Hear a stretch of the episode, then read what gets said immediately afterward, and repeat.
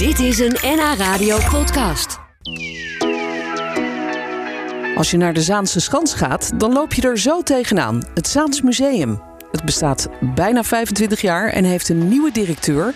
Dat is Marieke Verwij. Die had wel een heel gekke start, met corona natuurlijk, maar ook een mislukte kunstenroof. Dat was op 15 augustus 2021, toen ze nog maar net begonnen was. Ja, ik werd gebeld. Het was een zondagochtend. En dan uh, nou ja, werken onze publieksmedewerkers altijd. Um, dus eind van de ochtend werd ik inderdaad gebeld door collega's. Dat uh, nou ja, het ergste was gebeurd wat we ons überhaupt maar konden voorstellen. Dat ons topstuk inderdaad van de muur was gerukt. Gelukkig niet was ontvreemd. En dat er helemaal geen slachtoffers waren gevallen. Dat had nog wel veel vreselijker geweest. Ja, en kreeg jij ook gelijk zo die korte samenvatting? Of was het toch meer een heel uh, paniekverhaal van wat er allemaal gebeurd was? En moest je echt proberen te achterhalen van hoe het nou zat? Nee, ik kreeg wel vrij direct een korte samenvatting. Mijn collega belde en die zei: ga even zitten. Um, want dit en dit is er gebeurd. Um, uh, of de daders heb, waren toen nog niet bekend. Um, het was denk ik drie kwartier nadat het gebeurd was. Uh, dat, dat ik werd gebeld. Uh, want mijn collega's die waren daar direct ter plaatse. politie was er ook direct. Dus er is eigenlijk toen heel kordaat opgetreden. Um, ja, ja, dus de toedracht, nou ja, zo kwamen alle puzzelstukjes een beetje bij elkaar. Ja, en toen ben je er neem ik aan heen gegaan. Um, ik was met vakantie. Oh. dus ik was niet eens in het land. Oh jeetje. Ik heb oh, toen, uh, dan voel je ook machteloos? Ja, enorm. Uh, nou ja, ik was in staat om direct uh, de tent in te pakken. Ik stond op een camping. Maar ik heb toen uitgebreid contact gehad met de voorzitter van de Raad van Toezicht. Zeker ook omdat ik toen echt nog net directeur was. Het was nou ja, wat was het? Week drie. Oh, ja, jeetje. Heel bizar. En um, maar er waren gelukkig veel collega's in het land. Het managementteam was er en de Raad van Toezicht. Dus die hebben toen gezegd, nou, wij regelen het hier. Gelukkig kon ik mijn werk als uh, woordvoerder ook op afstand doen. Dus dat heb ik toen gedaan. Ja.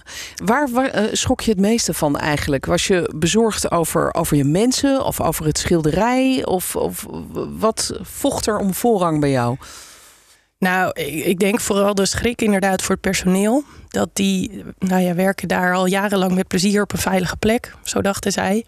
En die schrik zit er nog steeds eh, gewoon bij een aantal enorm in. Ja? Ja, uh, de, ja gewoon de, de, de, de, illusie dat het uh, veilig is, uh, die is er bij sommigen wel vanaf. Ja. en dat is gewoon ontzettend pijnlijk. En de brutaliteit van zo'n overval op klaarlichte dag. Ja, ik heb daar geen woorden voor bijna. Nee, gisteren was eh, de eerste rechtszitting tegen die hoofdverdachte, Henk B. Um, jij hebt dat ook gevolgd. Het blijkt eigenlijk dat het allemaal ongelooflijk amateuristisch is gegaan. Uh, hij, hij, vertelt dat hij uh, een opdracht had gekregen om dat schilderij te stelen. Dat hij niet eens wist waar dat dan precies hing. En uh, nou, uiteindelijk heeft hij dat gevraagd. Toen kwam hij bij dat schilderij. En nou heeft onze verslaggever Tom van Midden, die was ook bij de rechtszaak gisteren, die vertelt hoe het dan vervolgens verder ging toen hij dat schilderij gevonden had. Laten we daar even naar luisteren. Hij probeert een paar keer te rukken aan het schilderij. Nou, dat geeft niet gelijk mee. En hij, uh, uiteindelijk lukt het wel. Ja, alle alarmbellen gaan af natuurlijk. Hij zelf verwachtte eigenlijk dat op dat moment direct de deuren zouden sluiten. Gebeurde niet. En al rennend en slalommend zoekt hij een weg naar de uitgang. Met dat hele grote, zware schilderij. Hij komt dus uh, buiten, ja, eigenlijk tegen zijn verwachting in. En ja, je zei het al, amateurisme. Uh, de scooter die staat niet klaar. Die was uitgevallen. De sleutel zit niet in het contact. Uh, nou, en we lachen er nu om, maar mensen op dat moment in paniek. Hè? Uh, ze proberen dat schilderij uh, van hem af te pakken. En zijn handlanger die trekt opeens een pistool waarvan niemand eigenlijk weet of het echt is. Vandaag zei de advocaat van B dat het een klappertjespistool uh, was. Maar ja, dat weet je natuurlijk niet. Die man die schiet drie keer. Mensen vluchten in paniek naar binnen. En uiteindelijk weten ze dus weg te komen, die rovers, maar zonder het schilderij. Want dat is uh, afgepakt door een omstander. Ja, het is, als je het allemaal hoort, ongelooflijk natuurlijk. Maar ook ongelooflijk beangstigend moet het zijn geweest voor jouw personeel, je bezoekers van jouw museum. Want die wisten natuurlijk niet dat dat dan een neppistool blijkbaar was. Nee, wat, dat, ja, ja, dat is inderdaad precies wat het is. Ik heb het veel gelezen en gehoord ook van de media. Dat het allemaal heel uh, uh, ja, amateuristisch aandeed. Maar op zo'n moment was dat echt niet te beoordelen door nee. bezoekers en ook personeel. Um, dus het was gewoon een heel dreigende situatie. En het is ook wel een beetje pijnlijk om te horen dat het bijna kolderiek of lachwekkend wordt afgedaan. Want dat, Ja, nou maar hij zegt dat er ook heel duidelijk bij. Hè? Van Ja. Je zou er bijna om lachen als Ja. het niet zo ernstig was. Dat dus mensen daar in doodsangst Ja. eh, hebben gezeten. Is, is dat ook iets waar je nog veel over praat met jouw eh, medewerkers die daarbij waren? Of hebben zij slachtofferhulp gekregen? Ja, ze hebben zeker slachtofferhulp gekregen. Dat was eigenlijk direct heel goed geregeld via de politie. Ehm, ja, we hebben het er veel over gehad. En nu, als, het, ja, als mensen nog willen praten, dan is daar zeker de ruimte voor. Dus Ja. ehm, Ja, want je zei net ook, sommige mensen voelen zich eigenlijk gewoon niet meer veilig doordat dit gebeurd is. ja. Ja. Ja. Ja, dat is echt vreselijk. Ja, dat is ongelooflijk heftig inderdaad. En die- die verdachte die vertelde dus ook dat hij verwacht had eigenlijk dat als hij dat schilderij zou pakken, dat dan alle deuren dicht zouden gaan, dat hij er helemaal niet meer uit zou komen. Nee. Maar hij kon gewoon naar buiten lopen. Verraste jou dat eigenlijk ook toen je dat gisteren zo zat te beluisteren in de, in de rechtbank? Dat hij dat had gedacht. Ja, en, en dat het dus ook zo was? Eh, nou ja, dat het zo was, dat is gewoon protocol. En ik ja, kan niet voor andere organisaties spreken. Maar het is eigenlijk altijd zo dat je mensen met de buit laat gaan. Ook als er een overval is bij een bank of een juwelier, dan geef je ze wat ze vragen. Want uiteindelijk gaat het gewoon om veiligheid van de mensen. Eh, hoeveel waard zo'n schilderij ook is. We hadden geen idee of hij bijvoorbeeld zelf een vuurwapen bij zich had op dat moment. Dus ik ben heel blij dat hij weg is gegaan. Want anders had het ja, misschien nog veel, veel gruwelijker kunnen aflopen. Ja. Ehm, ja, en ik heb inderdaad zijn verweer gehoord gisteren, waarbij hij aangaf dat hij bijna als een soort mak schaap naar de slagbank ging, omdat hij dacht dat, het, ja, dat hij hoe dan ook gearresteerd zou worden. Ja, ik kan alleen maar zeggen, achteraf is mooi wonen. Ehm, Ja. ja. ja, hoe was het voor jou om dit mee te maken in de, in de rechtbank gisteren? Ja, ik eh, ben er inderdaad zelf bij geweest. Ehm, ik wilde gewoon ontzettend graag zijn verhaal horen. Eh, en ja, ehm, het was bizar, want ik was ochtends was ik gewoon nog aan het werken in het museum. En vanuit daar ben ik doorgereden naar de rechtbank. Dat er daar dan allemaal mensen in een zaal zitten die aan het praten zijn over mijn werkplek. Ja, Waar ik echt daarnet nog heb rondgelopen. Ja, dat is gewoon heel, eh, ja, heel bizar. heel vervreemdend. Ja, lijkt heel me, vervreemdend. Inderdaad. Hey, dat, dat schilderij, het, het was dus een mislukte kunstroof. Want eh, dankzij medewerkers en omstanders is, dat- is dat schilderij dus uiteindelijk eh, niet gestolen. Maar wel ja, van de muur afgerukt. Ehm, was het ook beschadigd eigenlijk? Ja, nou ja, over die mislukte roof, daar eh, twist het Openbaar Ministerie nog over. Omdat ze zeggen dat het buiten het pand is geweest. Ja, ja. Zou het allicht gelukt zijn. Maar het is inderdaad, we hebben het weer, Ja. godzijdank. Eh het was inderdaad beschadigd. eh, eh, eh, en dat was eh, de lijst, want die is op de grond gevallen. En die is heel kundig en goed gerestaureerd. Dus je ziet er nu niks meer van. Dus we zijn echt op alle fronten door het oog van de naald gekropen. ja. Wanneer is het schilderij eigenlijk weer te zien? Ik begrijp dat het er nu even niet hangt, toch? Nee, klopt. En dat heeft te maken met ehm, eh, ja, hoe we het weer moeten gaan ophangen. Dus de, de verzekeraar heeft aanvullende eisen gesteld. Dat betekent dat hij in een vitrine komt te hangen, wat ontzettend zonde is. Want dat ja, betekent toch een afstand tussen de bezoeker en het kunstwerk. Ja, en dat is misschien nog wel, nou ja, het grootste leed. Dat als mensen niet van dit soort spullen afblijven, dat je dan dus dit soort concessies moet gaan doen in de presentatie. Ja. Wat je als museum eigenlijk niet wil. Ja. En eh, het is vanaf juni weer te zien. Oh, Oké, dus jullie moeten nog een beetje verbouwen. Ja. Ja. Ja. En Nou. ook musea hebben last van eh, eh, gebrek aan materiaal, bouwmateriaal. En ook, Oh. ja, ja, hout is hout. dat moet gewoon geleverd worden. Ja. Ja. Ik praat vandaag met Marieke Verwijs. Ze is de nieuwe directeur van het Zaans Museum. Ze had een wat gekke start met een kunstroof en de corona-lockdowns.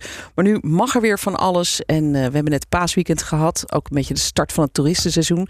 Was het ook bij jullie druk? Het was heerlijk druk. Als van oud, zou ik Eh. bijna willen zeggen. Dat is mooi.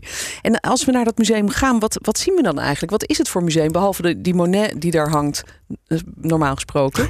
Ja, nou, het Zaans Museum gaat over de Zaanse geschiedenis en cultuur. En ehm, eh, bij ons, als je binnenkomt, dan stap je eigenlijk in je eigen keukenkastje. Want in ieder keukenkastje in Nederland staat wel een Zaans product. Ehm, iets van duivis of van lassie of van de Albert Heijn natuurlijk. Verkade. Verkade, precies. En zo vertellen we eigenlijk de hele geschiedenis van industrie en nijverheid in de Zaanstreek. Ondertussen tonen we ook het landschap. En eh, nou ja, als eh, eh, klap op de vuurpijl kan ik wel zeggen, hebben we de Verkade Experience. En dat is een nog werkende chocolade- en biscuitfabriek. Oh ja.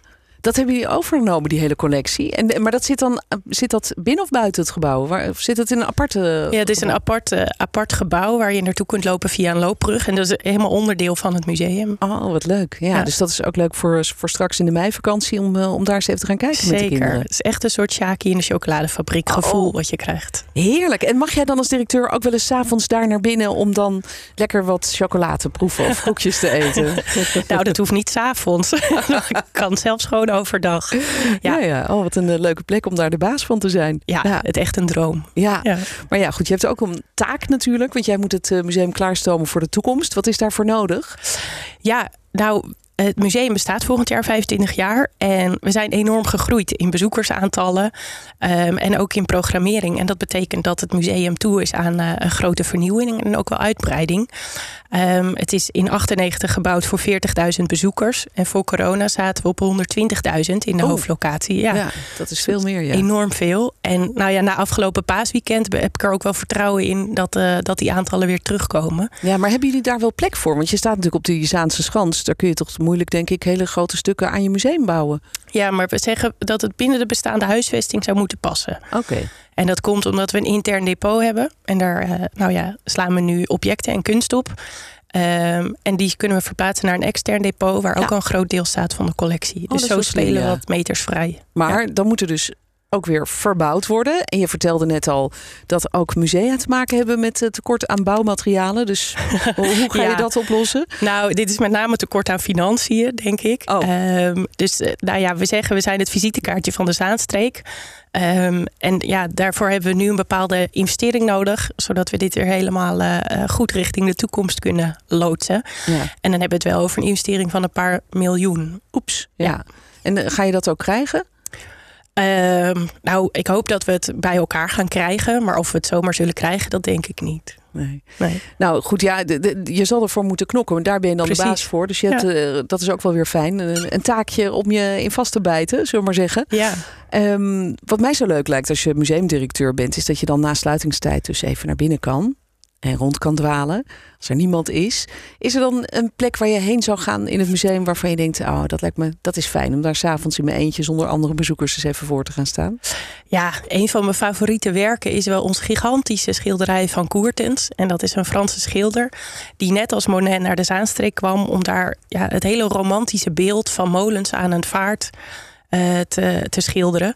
En um, er kwamen dus schilders vanuit heel Europa naar Zaandam toe in de 19e eeuw.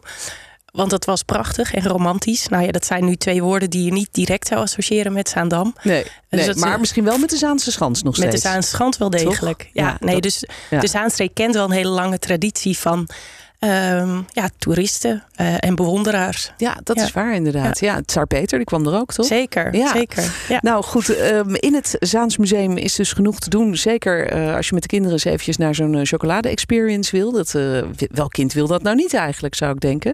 In de meivakantie zijn jullie uiteraard ook weer iedere dag open. En nou, jij staat voor een behoorlijke klus. Geld bij elkaar sprokkelen voor een grote verbouwing. Ja. Ik wens je heel veel succes. En, en fijn dat je bij ons was vandaag, Marieke. Dankjewel. Marieke Verwij hoorde je, de nieuwe directeur van het Zaans Museum. Je had een gekke start, maar nu ben je dan toch echt uh, begonnen. Zullen we het maar zo zeggen? Let's go. Dit was een NH Radio podcast. Voor meer, ga naar nhradio.nl NH Radio